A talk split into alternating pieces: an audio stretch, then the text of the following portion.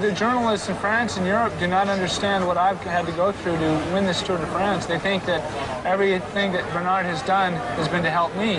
It's been the contrary. Contrary. Contrary. Contrary. Ik ben José de Kouwer en je luistert naar de Velofilie podcast.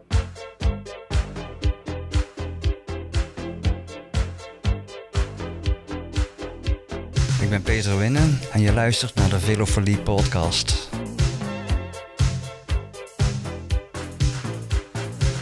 De Velofilie podcast.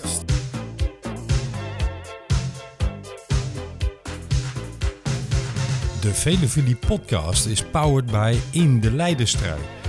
De wielenwebsite voor het laatste nieuws, originele content en belangrijke informatie over alle wedstrijden. In de Leidenstrui. The Tour de France 1986 has been labeled the toughest of all time. Daar komen ze. Wat een schitterend plaatje. Kijk eens aan. Mensen, wat is dit mooi. Dat gebaar van Le Mans. Die lach van Ino. Oh, om dat mee te mogen maken hier. Dit zijn historische beelden voor het wielrennen.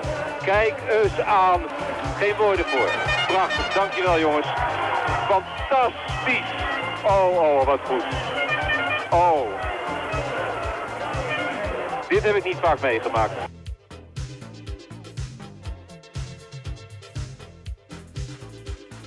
Goedemorgen, middag en avond, beste wielenvrienden en vriendinnen. Welkom bij weer een nieuwe Velofilie podcast. We gaan vandaag de geschiedenis in. Jeroen Wesley, zoals we eerder hebben aangekondigd, willen we volgend seizoen met Velofilie over een iets andere boeg gaan. En hoe dat er precies uit gaat zien, beste luisteraars, dat zullen jullie in de komende maanden horen. Maar deze aflevering vormt het eerste deel van een serie van drie, waarin wij, Jeroen, Wesley en ik, zei de gek, jullie meenemen de geschiedenis in naar twee grote rondes per persoon. Allereerst de mooiste, spannendste of meest memorabele grote ronde ooit, door ons alle drie gekozen. En daarnaast een grote ronde uit ons geboortejaar. En dat is 1971, 1989 en 1994. En ja, waarom een geboortejaar? Omdat het leuk is om te ontdekken, goh, wat, wat, wat speelde er toen eigenlijk? Was er toen een spannende ronde? Wie waren de coureurs die in die jaren rondreden? En omdat we toen allemaal geboren werden, weten we daar waarschijnlijk helemaal niets van. En dus is het leuk om je daarin te gaan verdiepen. En eh, maken we daar een, eh, een mooie aflevering van. Nou, als nester van ons drieën, dat mag nu wel duidelijk zijn, zal ik de aftrap gaan doen. En we hopen dat jullie veel plezier gaan beleven aan onze serie. Zin in, Jeroen, Oh, laat me komen. Wesley? Ja, begin maar. Ik, eh, ik ga ervoor zitten.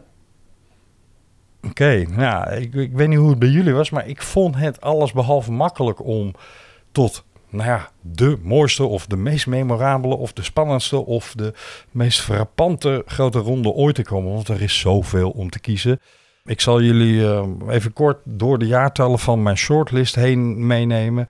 De Giro van 2017 zat op mijn netvlies. De Vuelta van 2015 zou dat allebei iets met Tom Dumoulin te maken hebben. Kan. De Giro Rosa van 2019. Oh, van Vleuten, van de Breggen. Dat was dat sprintje bergop, hè? Ja, en Vos die, die vier of vijf etappes won. Wat een wereldweek was dat. De Tour van 1989. Misschien wel de mooiste Tour ooit. Of toch niet? Daar gaan we het straks over hebben. En uh, ja, de Tour de Depaars van 1998. Uh, maar ik had ook Erik Breukink met de hongerklop in de Giro kunnen kiezen. Ik had, nou, er is zoveel te kiezen. Uiteindelijk, na veel wikken en wegen, ben ik gekomen op een Tour die toch een Tour om heel veel redenen ontzettend memorabel is. En dat is de Tour van 1986. Met als bijnaam Slaying the Badger. Bekend bij jullie jongens? Wesley? Bij mij is het zeker niet bekend. Ik, uh, het is de eerste keer dat ik hierover ga horen, dus ik ben heel erg blij dat, ik, dat Camille mijn kennis verrijkt. ja, ik, heb, ik heb er wel iets over gehoord, alleen niet, uh, niet genoeg. Alleen, alleen om de, de bijnaam voor uh, de Badger, voor uh, Hino. Dat, volgens mij is het wel een mooi, mooi verhaal. Ik heb me de afgelopen periode een beetje in verdiept, dus ik weet er inmiddels wel iets van, maar volgens mij weet Camille er uiteindelijk het meest van, want het is immers zijn favoriete tour. ja, één van de, maar omdat uh, jouw geboortejaar Jeroen 1989 al samenvalt met een van mijn andere favoriete toeren, de 8 seconden van Vignon en Le Mans, ja, uh, heb ik gekozen voor deze en, en wel om een aantal redenen. Laten we eens uh, beginnen bij heel kort wat feiten van deze tour. Uh, het is een tour over 23 etappes met een record aantal deelnemers, 210. Er wordt gevallen bij het leven. Werkelijk, mensen vallen bij bosjes uit. Uh, er, er wordt... er uiteindelijk ook maar 132 van de 210. Exact. Jos Lammertink, Nederlands kampioen, draagt de Nederlands kampioentrui, valt in, ik meen etappe 4, een, uh, een schedelbreuk. Ik moet niet zeggen schedelbasis, maar een schedelbreuk. Want we reden nog zonder helmen. Jawel, we reden nog zonder helmen rond. Er starten allerlei nationaliteiten, waaronder een Braziliaan, een Deen, een Noor, twee ploegen uit Colombia, die in 83 voor het eerst aan de Tour verschenen waren. En voor het eerst in de tourgeschiedenis een Amerikaanse ploeg genaamd 7-Eleven. En zonder meteen de afloop te verklappen, zijn er nog een aantal unicums. En één daarvan is, men rijdt met look-klik pedalen. Nu zijn we er allemaal aan gewend. Ik denk vooral, waarom is dat, uh, waarom is dat zo bijzonder? Uh, ik, ja, waarom is dat voor jou zo'n zo'n ding wat er, wat er uitsteekt? Omdat in deze Tour er nog meer vernieuwingen zijn die we heden ten nog steeds in het wielrennen hebben. En het in dat opzicht in velelei opzicht een revolutionaire Tour zal blijken te zijn. Want het is ook de eerste Tour die gewonnen wordt op een deels carbonnen fiets. En ik zal straks nog heel kort vertellen hoe dat in elkaar steekt. Men rijdt met dichte wielen rond. Dat gebeurde in 1985 voor het eerst. Maar ik smokkel gewoon naar 1986 door. Want dat was immers het tweede jaar en toen reden er nog iets meer ploegen mee. Men reed niet met de tijdritsturen zoals we die heden ten dagen kennen. Het waren de beroemde ossenkoppen. Ik weet niet of jullie ze kennen, maar dat zijn die, uh, die, die sturen die als het ware bijna een racestuur andersom lijken te zijn. Dus met de grepen, de remgrepen naar voren gericht. En uh, ja, dat, dat waren allemaal nieuwe verschijnselen in die jaren.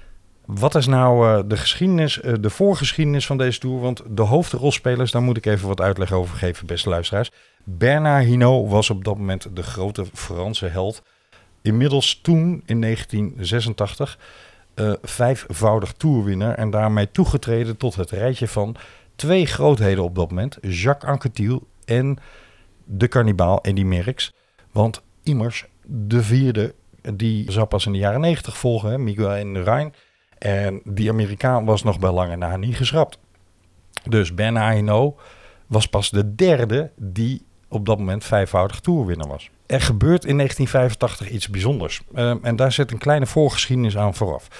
Eind jaren 70 wordt door Cyril Kimar, de Franse ploegleider van de Renault 11-ploeg, zelf voormalig prof, een jonge neoprof klaargestoomd voor het grote werk genaamd Bernard Hinault. Het tijdperk Eddy Merckx eindigt in 1977 en Bernard Hinault rijdt in 1978 zijn eerste Tour en zal die meteen winnen.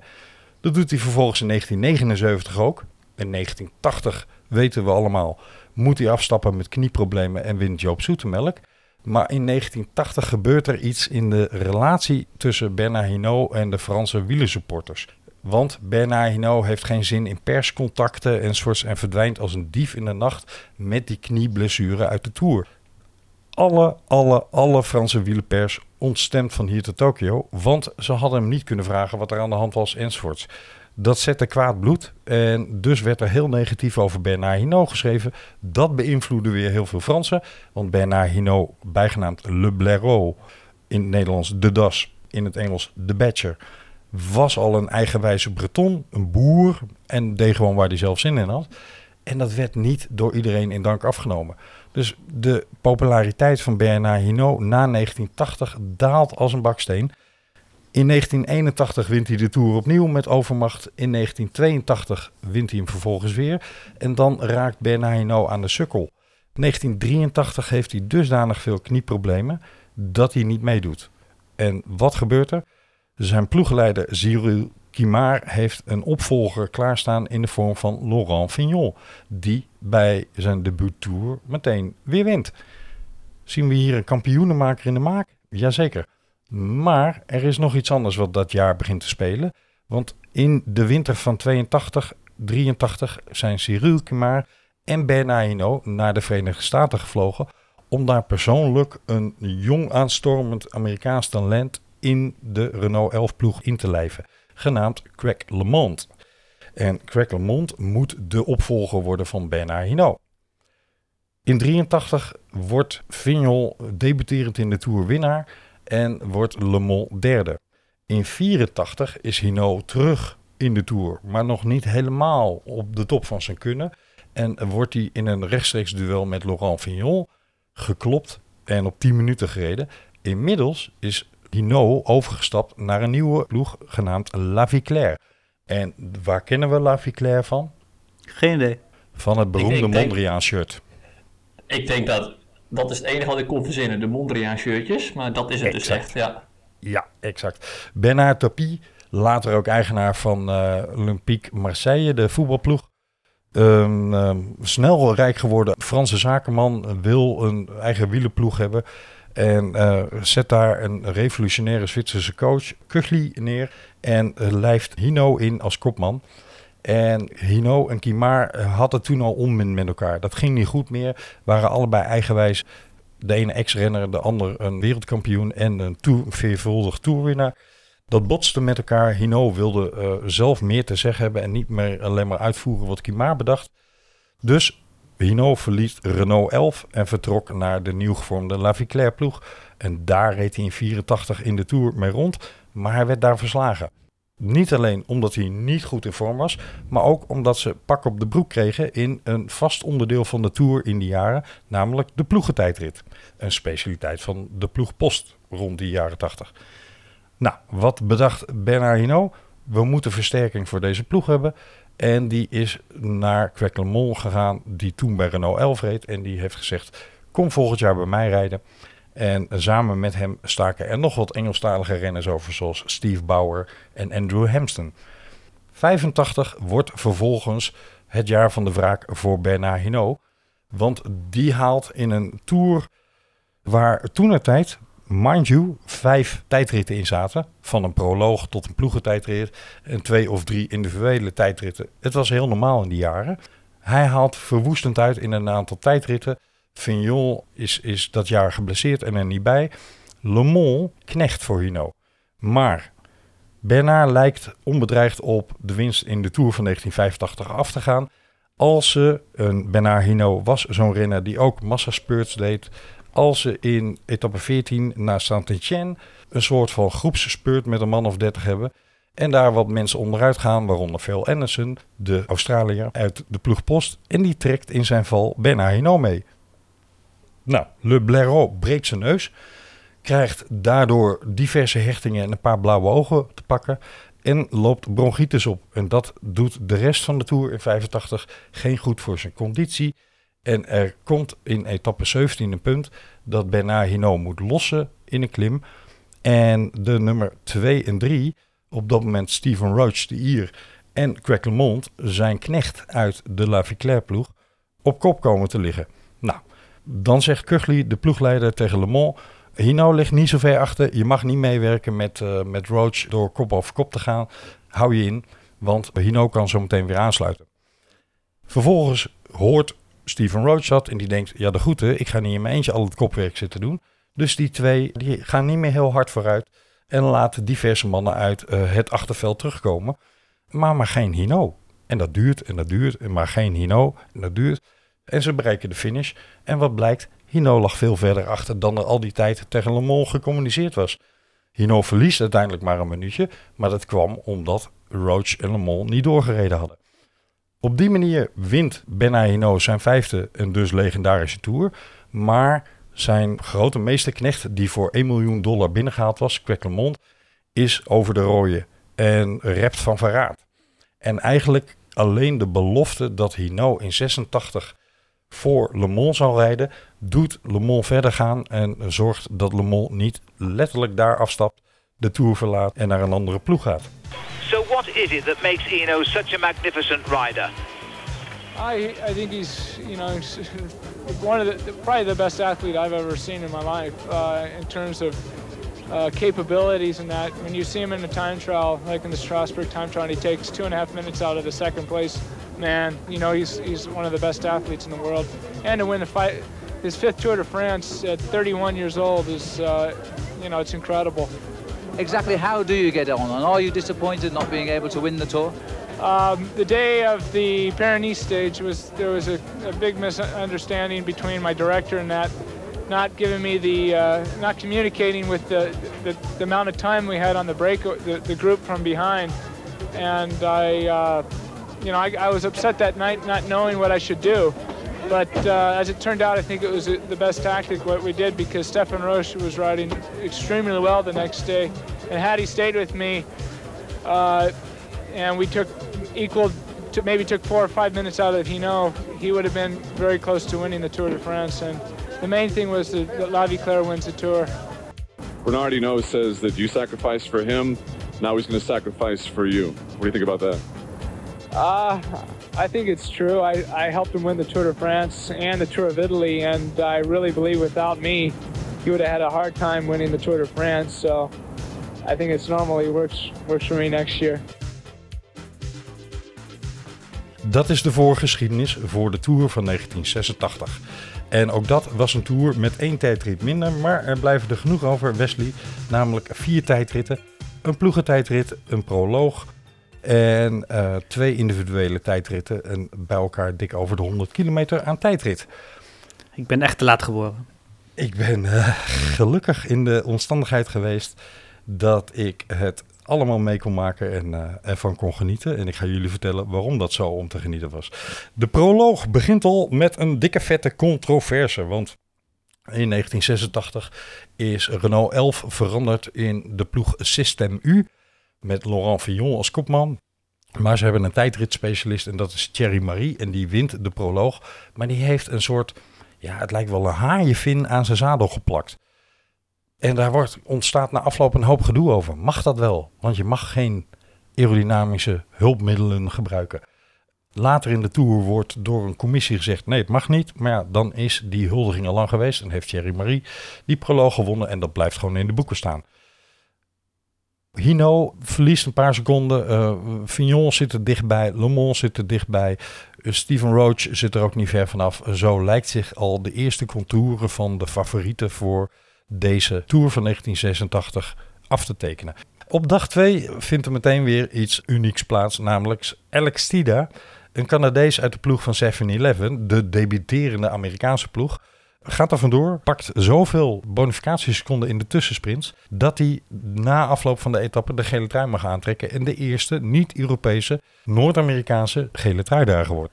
Vervolgens, want dat is het ochtenddeel van dag 2, hebben we in de middag een ploegentijdrit en daar gaat van alles mis. Dat 7-Eleven, daar was nog niet zo heel goed in ploegentijdritten. En de Olympisch schaatskampioen van Lake Placid, Eric Hayden, vijfvoudig gouden medaillewinnaar al daar, die inmiddels wielerprof geworden was, ja, die rijdt lek en, en die maakt een rare beweging en willen wat ploeggenoten hem ontwijken. Die knallen met z'n allen tegen een stoeprand op en lopen echt met drie of vier man tegelijk een lekke band op. Kortom, 7-Eleven had geen goede ploegentijdrit. Vervolgens heeft de ploeg van Bernardino, La Viclaire, ook geen goede ploegentijdrit. Want daar waren ochtends wat mensen ingevallen en die moesten nog wel binnen de ploeg blijven. Want als je te ver op achterstand binnenkwam, kon je zomaar uit koers verdwijnen. Dus die hebben niet te hard doorgereden. En zo wint System U van Laurent Fignon de ploegentijdrit en pakt hij meteen twee minuten voorsprong. En dus lijkt de winnaar van 83 en 84 de grote favoriet voor de Tour van 86 te worden, namelijk Laurent Fignon. De eerste week is in die jaren een typische Tourweek. Want die bestond uit 7, 8 of 9 vlakke etappes met zoveel mogelijk ontsnappingen of sprinters. En vergis je niet, er waren toen ontsnappingen van 10, 15 minuten voorsprong. er worden flinke voorsprongen verkregen. Mensen die uh, in de ploegentijdrit al minuten achterstand hebben, komen alsnog in de gele trui. Waaronder Johan van der Velde, die etappe 5 in een uh, ontsnapping met twee man winnend weet af te sluiten en zo de gele trui pakt. Maar het gaat naar etappe 9, want dat wordt de eerste lange individuele tijdrit. Nou, wat gebeurt er? Hino, de tijdritspecialist uit die jaren, de Miguel Indurain van de jaren 70 en 80, houdt weer eens ouderwets huis, wint, pakt 44 seconden op Le Mans en 1 minuut 1 op Roach. En Fignon verliest 3 minuten nog wat en blijkt niet in orde te zijn. Dikke tegenslag voor Systemu, weg de eerste favoriet voor deze Tour. Maar de Deen Pedersen, die op dat moment uit de ploeg van Steven Roach, Carrera, in de gele trui rondrijdt, krijgt vleugels, het bekende verschijnsel als je geel aan hebt. En uh, rijdt een dusdanig goede tijdrit dat hij in het geel blijft. En dan gaan we richting de Pyreneeën. In etappe 12 naar Bayonne gebeurt iets wat Craig LeMond niet had gewild. Herinneren jullie luisteraars die belofte van Bernard Hinault aan Craig LeMond uit 1985?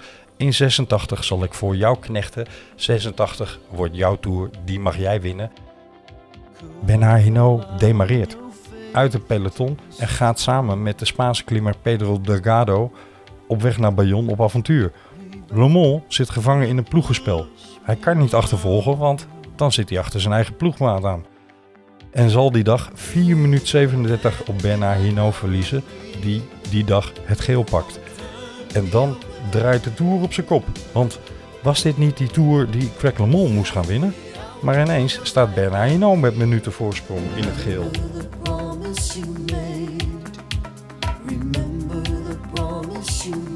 En ja, dat is wel de zesde Tour die Bernard Hinault kan gaan winnen.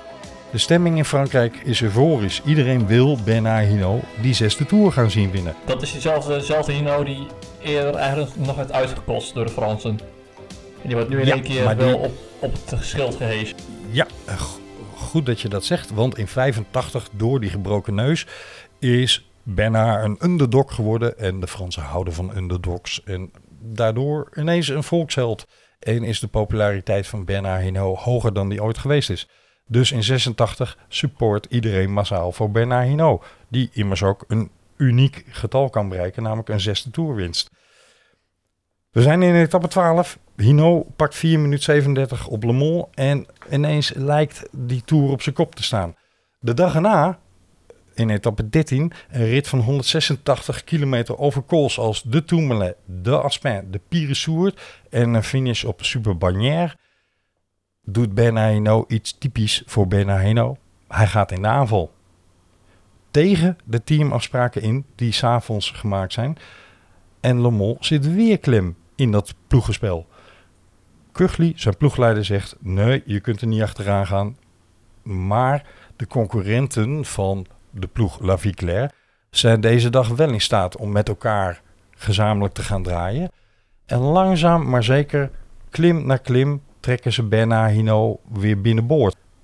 In de afdaling van de ene laatste col, de Piresourde, sluiten ze eindelijk bij Bernard Hinault aan. Die is dan moe, heeft zichzelf overschat.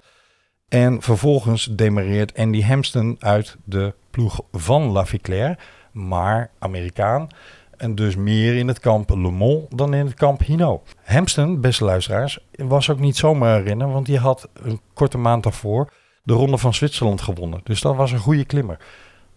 Wat blijkt? Hampsten blijkt een springplank te zijn voor Craig. Want die demareert even later uit een groepje waaronder Hinault nog in zit. Maar ook met Colombiaanse klimmers als Lucio Herrera, Urs Zimmerman, de, de, de Zwitser. En Le Mans gaat op en over Andrew Hampsten heen en gaat die, rond, of die etappe winnen. En hij pakt, raad eens hoeveel tijd terug op? Dat zal 4 met, minuten 37. Wou zeggen, dat zal met minuten zijn, maar 4,37 is vrij veel, ja.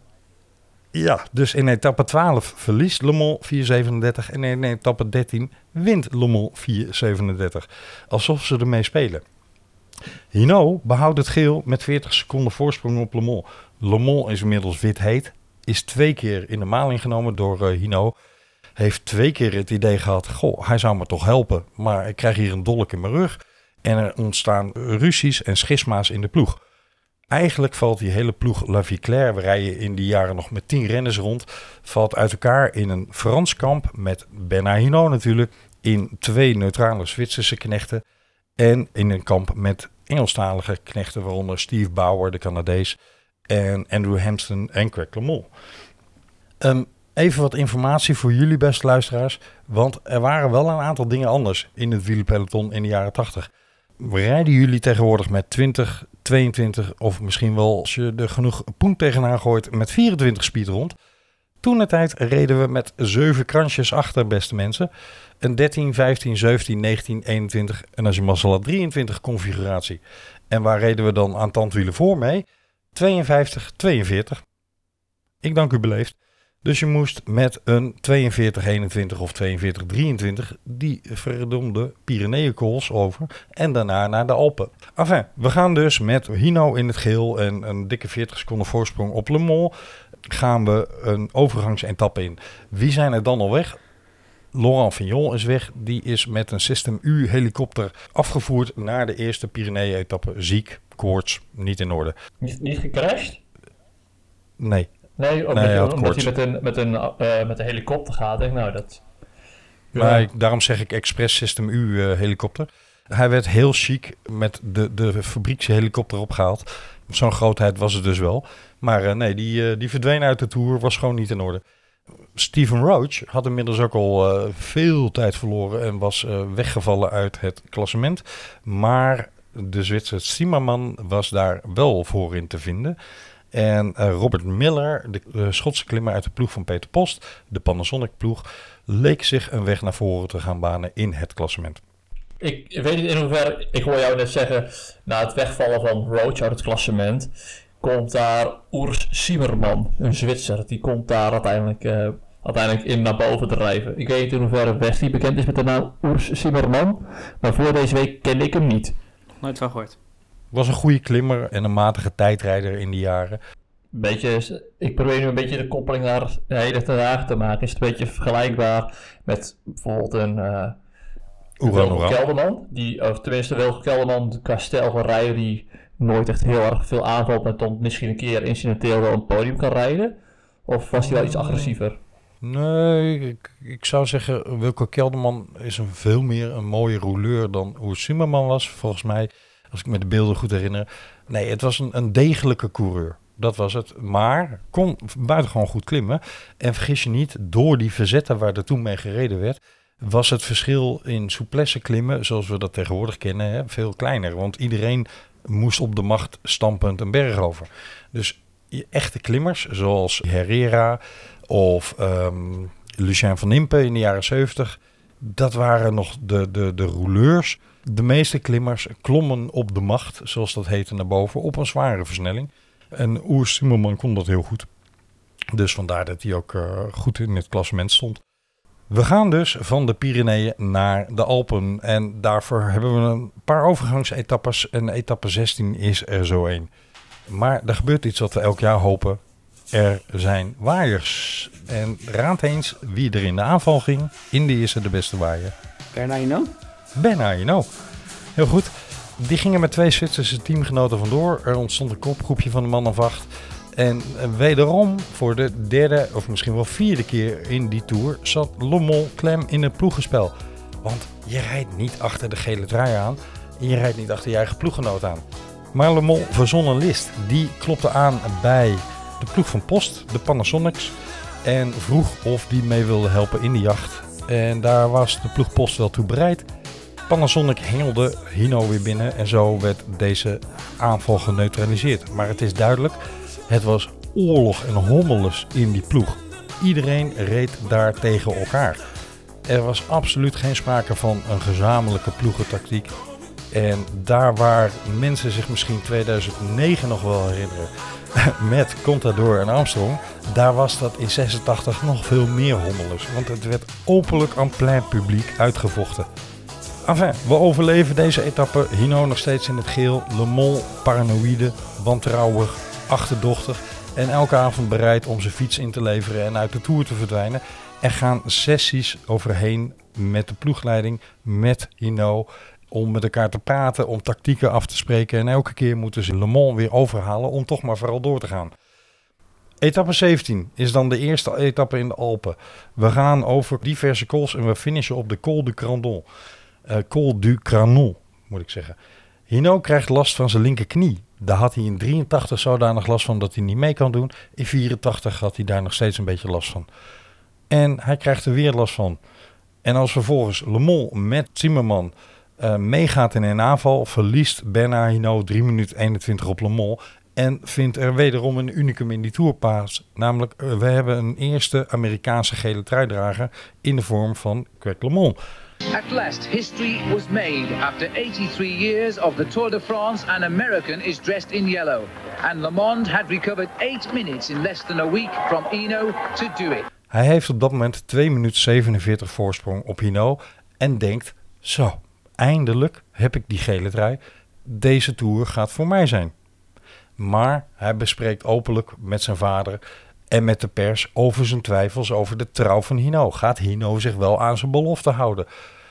I'm, I'm hoping that I'll have some support from him and uh, in the coming days because I feel like in the mountaintop finishes I'm riding stronger than he is and I think I should maybe take another minute out of him today. Niets lijkt daarop.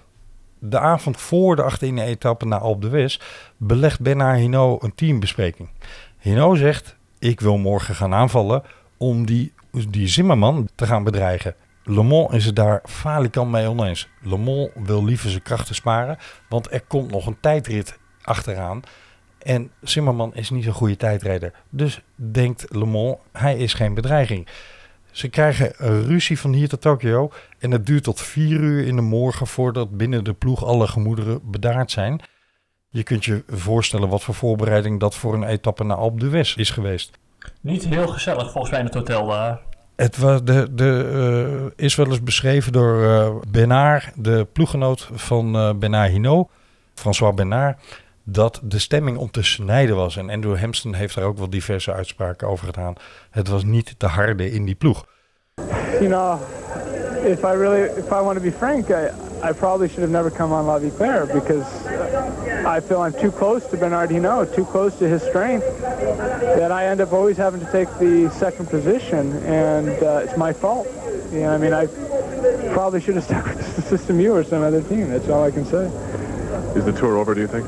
No, I don't think so. Etappe 19 gaan we op weg naar Op de West, de legendarische korrel. En jullie mogen raden wie er in de aanval gaat in de afdaling van de Calibier. Bernard Hinault? Bernard Hinault. ja. Dit is aanval nummer 6 of 7 in deze Tour. Le Mans krijgt de opdracht van Kugli, de ploegleider, om bij Zimmerman te blijven. En wederom heeft Bernard Hinault het initiatief en Le Mans moet afwachten. And while Greg LeMond rides close to Ursa Zimmerman, the bomb explodes and Bernard Hinault launches into the attack. Peddling a gear that many riders would use going only downhill, the Frenchman shows his real strength. It's left to Zimmerman to chase, but will Le Mans help? And with the rhythm of a metronome, Eno pushes home and attack. He's clearly planned all day. Tegen de instructies in. Dit keer gaat Le Mans echter in de tegenaanval. En nadat hij bij Hinault komt en ze alle reeds ontsnapte renners hebben bijgehaald en keihard voorbijgestreefd, gaan ze samen op weg naar Alpe d'Huez.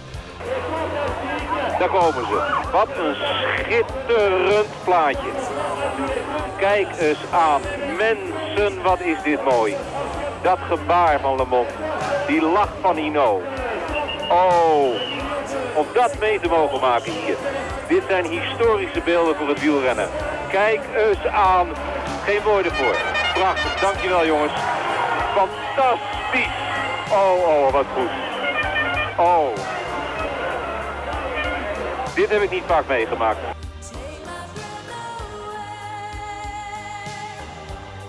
Ze vernietigen die dag het hele peloton. Zimmerman komt als derde binnen en heeft meer dan vijf minuten aan zijn broek. En de rest allemaal nog veel meer. De beelden van die etappe zijn legendarisch. Want ze rijden arm in arm, een arm over een schouder. Praten tegen elkaar glimlachend over de finish van Alpe d'Huez. Hino wint de etappe omdat Le Mans hem iets naar voren duwt. Hino steekt de arm van uh, Mans omhoog of andersom. Het lijkt Pais en Vree te zijn. Er lijkt gesproken te zijn met elkaar. En omdat Hino Mans niet heeft kunnen lossen in deze etappe, lijkt het nu voor de hele buitenwereld alsof ze vrede gesloten hebben. En alsof nu duidelijk is, Greg gaat deze Tour de France winnen. Jullie mogen één keer raden of dat in het televisie-interview wat ze gezamenlijk die avond hebben ook het standpunt van Bernard Hinault is. Nou, dat zal wel niet. Nee, dat zal niet. Want wat zegt Hinault in uh, dat interview op de Franse televisie waar Le Mans naast zit? De Tour is nog niet over, beste mensen. Le Mans schrikt zich een ongeluk. En het spel gaat door. Dan zitten, we, dan, dan zitten we dus, even voor de informatie, we zitten dus nu een dag of twee, drie van Parijs af. We zitten in etappe 19 en de Tour van dat jaar telt 23 etappes. Dus we zitten een aantal dagen voor Parijs. Wat er dan nog aankomt, is nog een individuele tijdrit. En er komt nog een klim naar Puy de Dôme aan.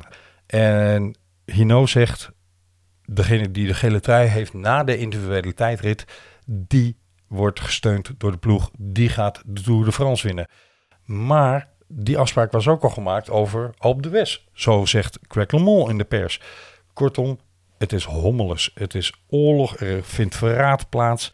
Er wordt onderling bekokstoofd en, en getwist.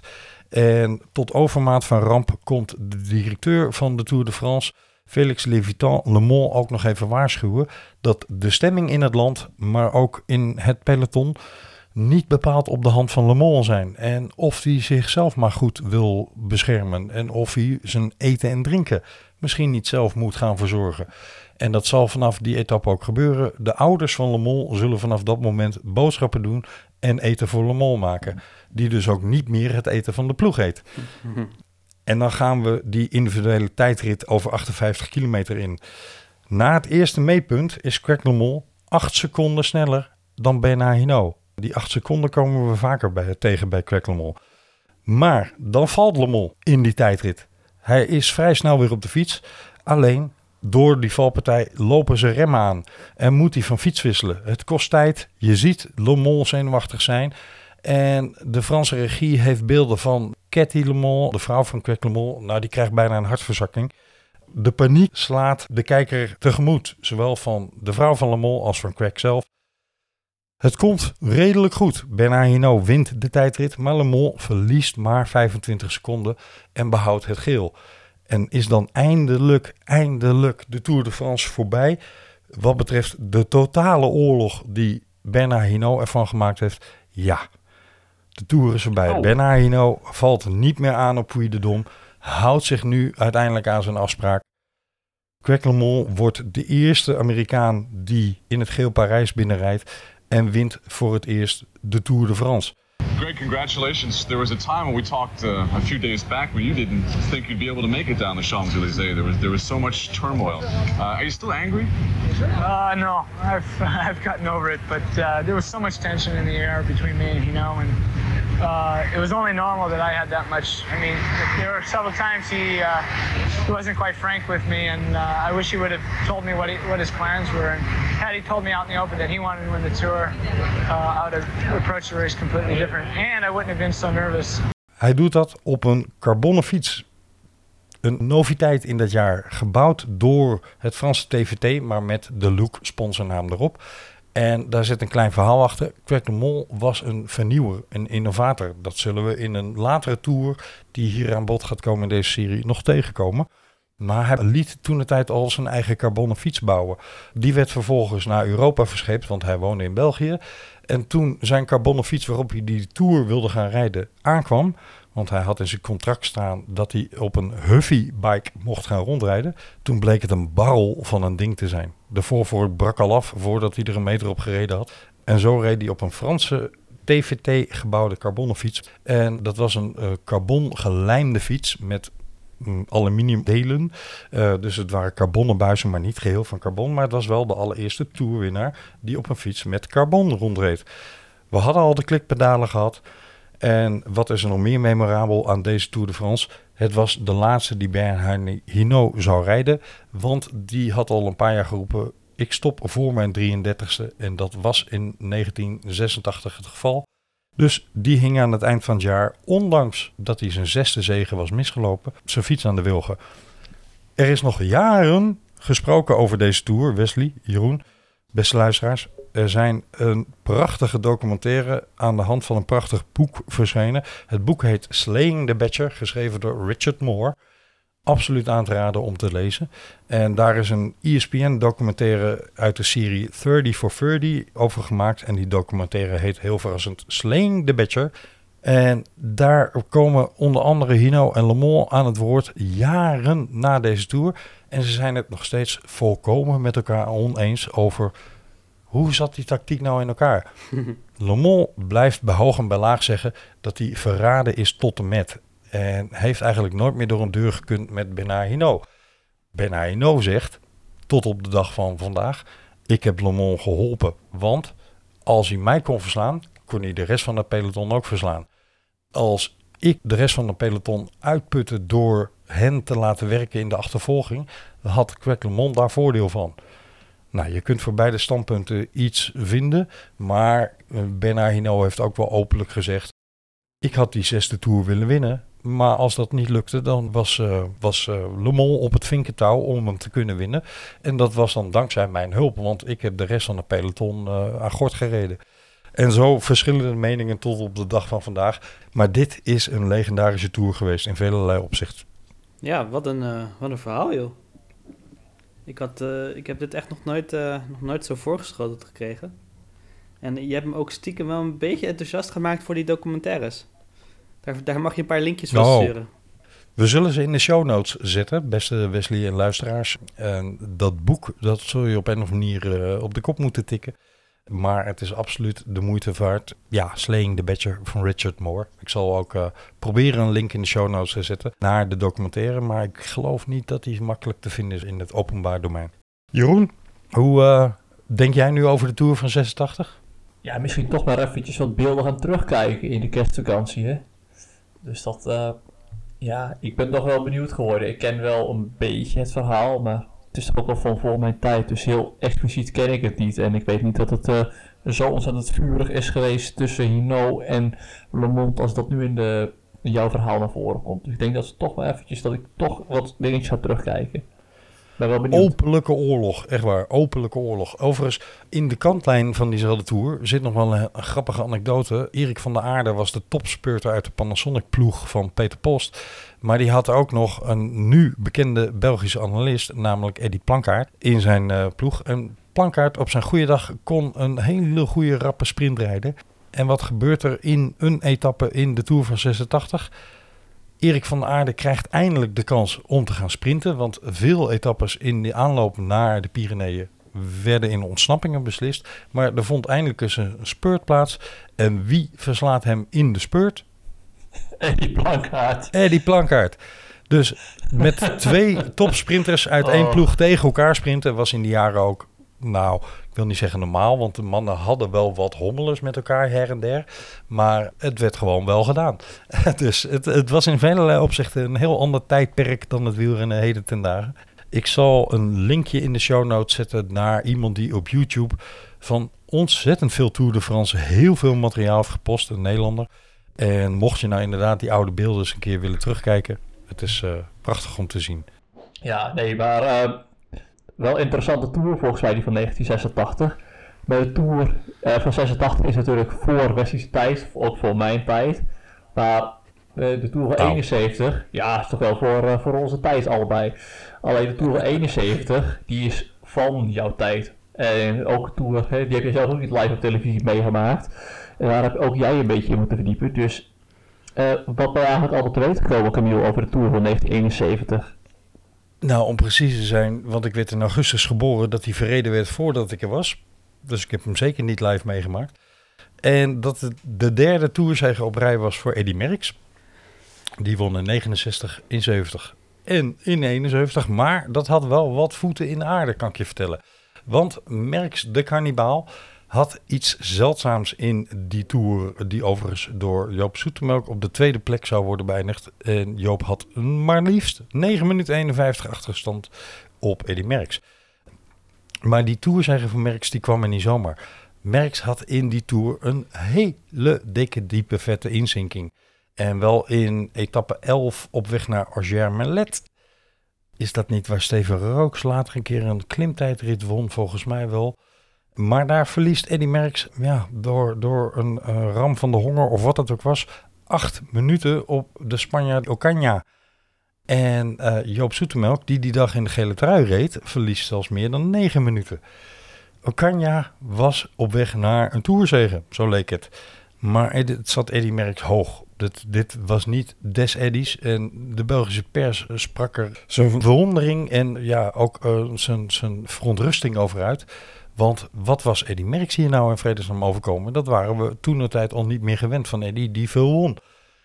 Op de rustdag, meteen na die etappe naar Auger-Merlet, bedacht Eddy, terwijl hij met de ploeg aan het trainen was en ze de eerste 40 kilometer van de etappe die er na de rustdag zou volgen, op weg naar Marseille, bedacht Eddy een list. Want al over dat parcours rijdende dacht hij, als we hier nou eens een truc gaan uithalen, een truc speciaal. En voor die truc speciaal schakelde hij zijn uh, ploeggenoot Rini Wachtmans in en benaderde Rini Wachtmans of iemand anders uit de ploeg van uh, Eddy Merckx.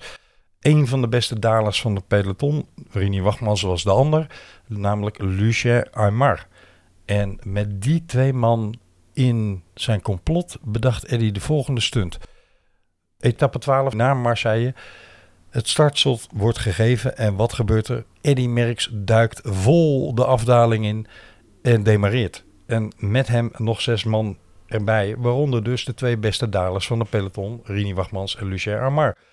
En dan ontstaat zich een woest en wild tafereel, want met die acht man, eh, dat plan had hij overigens bedacht, moet ik er even bij zeggen, omdat Ocaña nogal luiig van aard was bij de start. Die reed altijd achter in een peloton en was niet meteen altijd scherp. Dus daar zag Eddy Merckx zijn zwakte.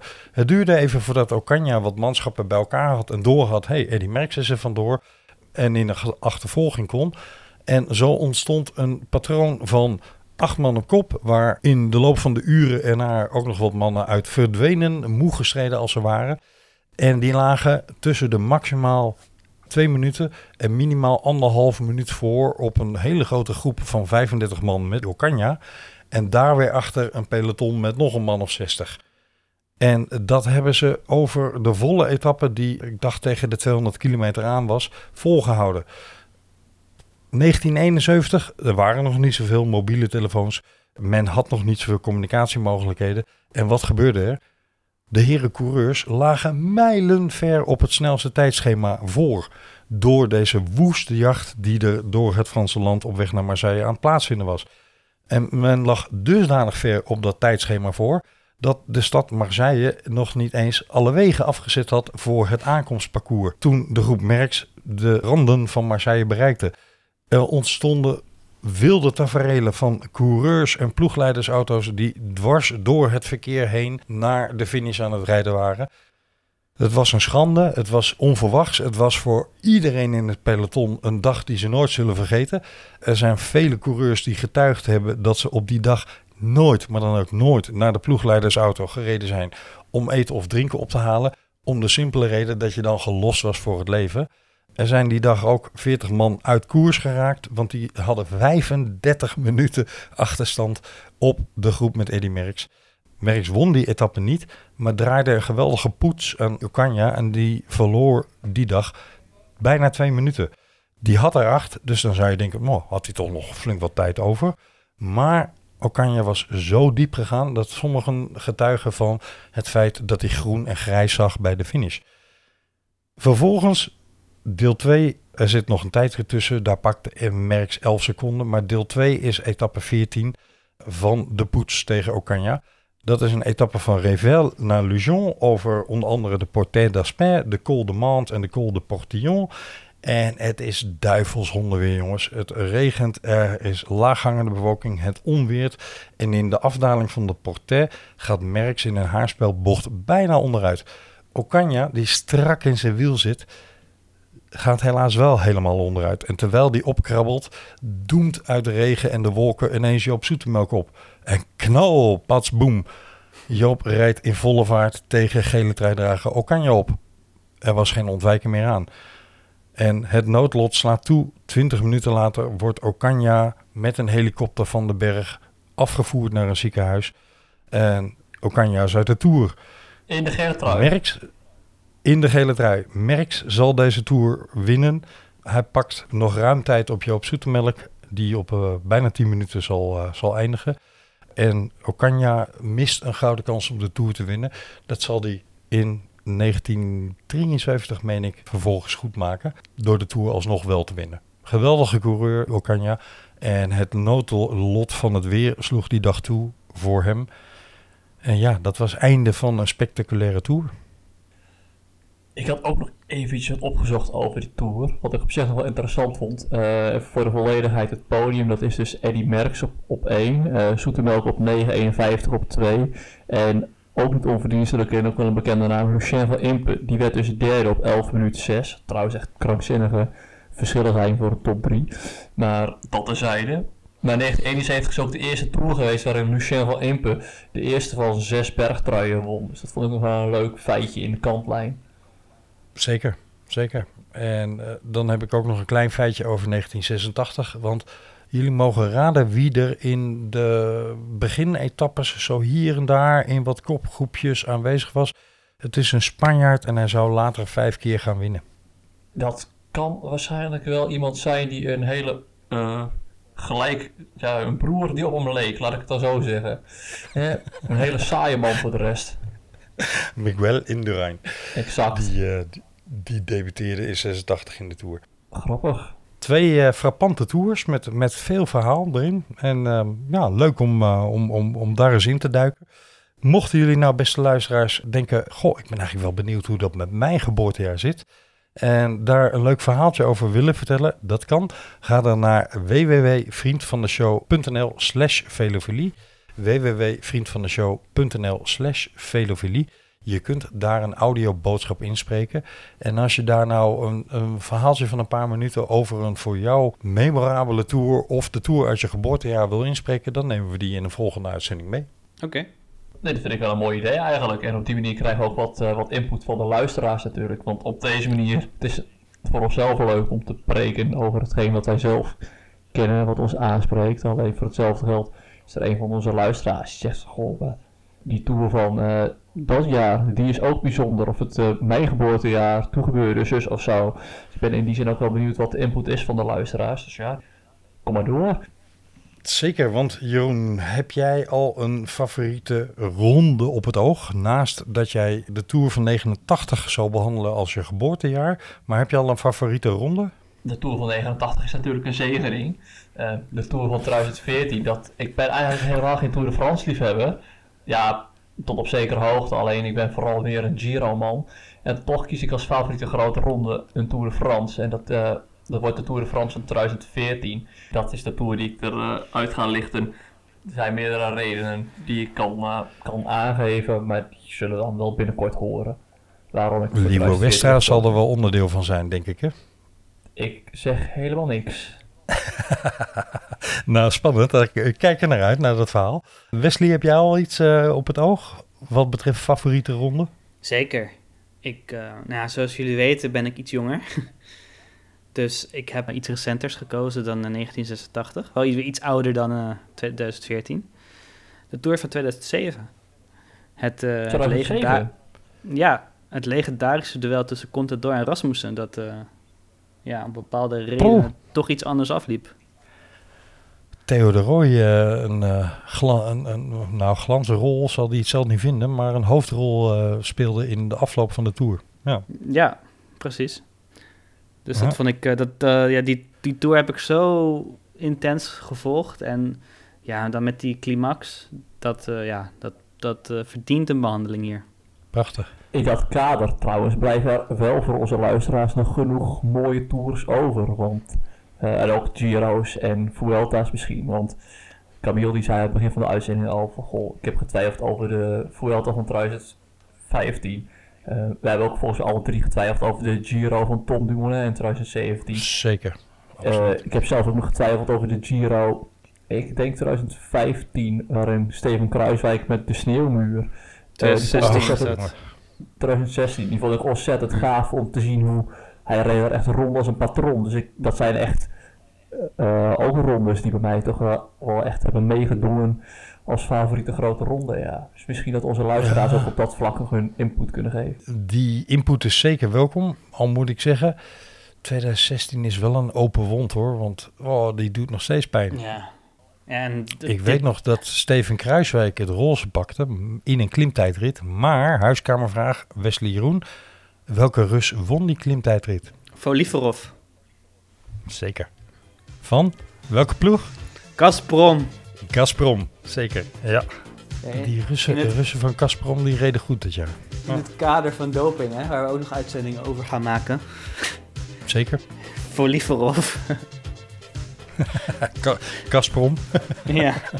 Eh, Tour van 2007. Ja, Ja. we zitten aardig op lijn. Ja, ja. Nee, want dat gaan we inderdaad doen, beste luisteraars. We gaan deze serie eh, ofwel afwisselen, ofwel aanvullen, ofwel laten opvolgen door een aantal uitzendingen over doping. En daar zullen we ook weer de geschiedenis bij induiken. We gaan van start zo'n beetje rond het begin van de antidopingcontroles. En dat zal rondom de Tour of de dood van Tommy Simpson zijn.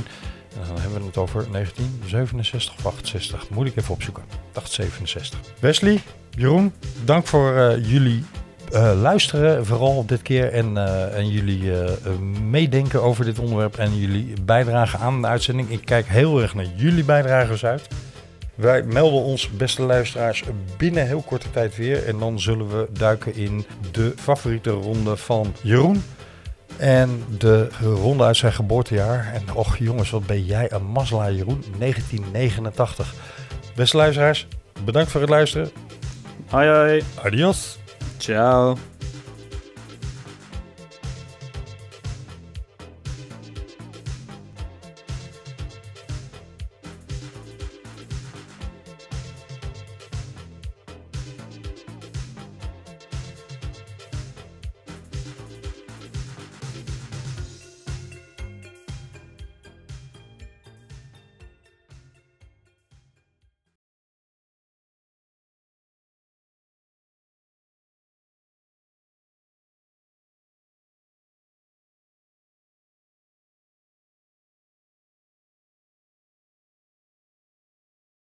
Eigenlijk, eigenlijk moeten we aan het einde van het jaar een compilatie opnemen van Jeroen en de Kat.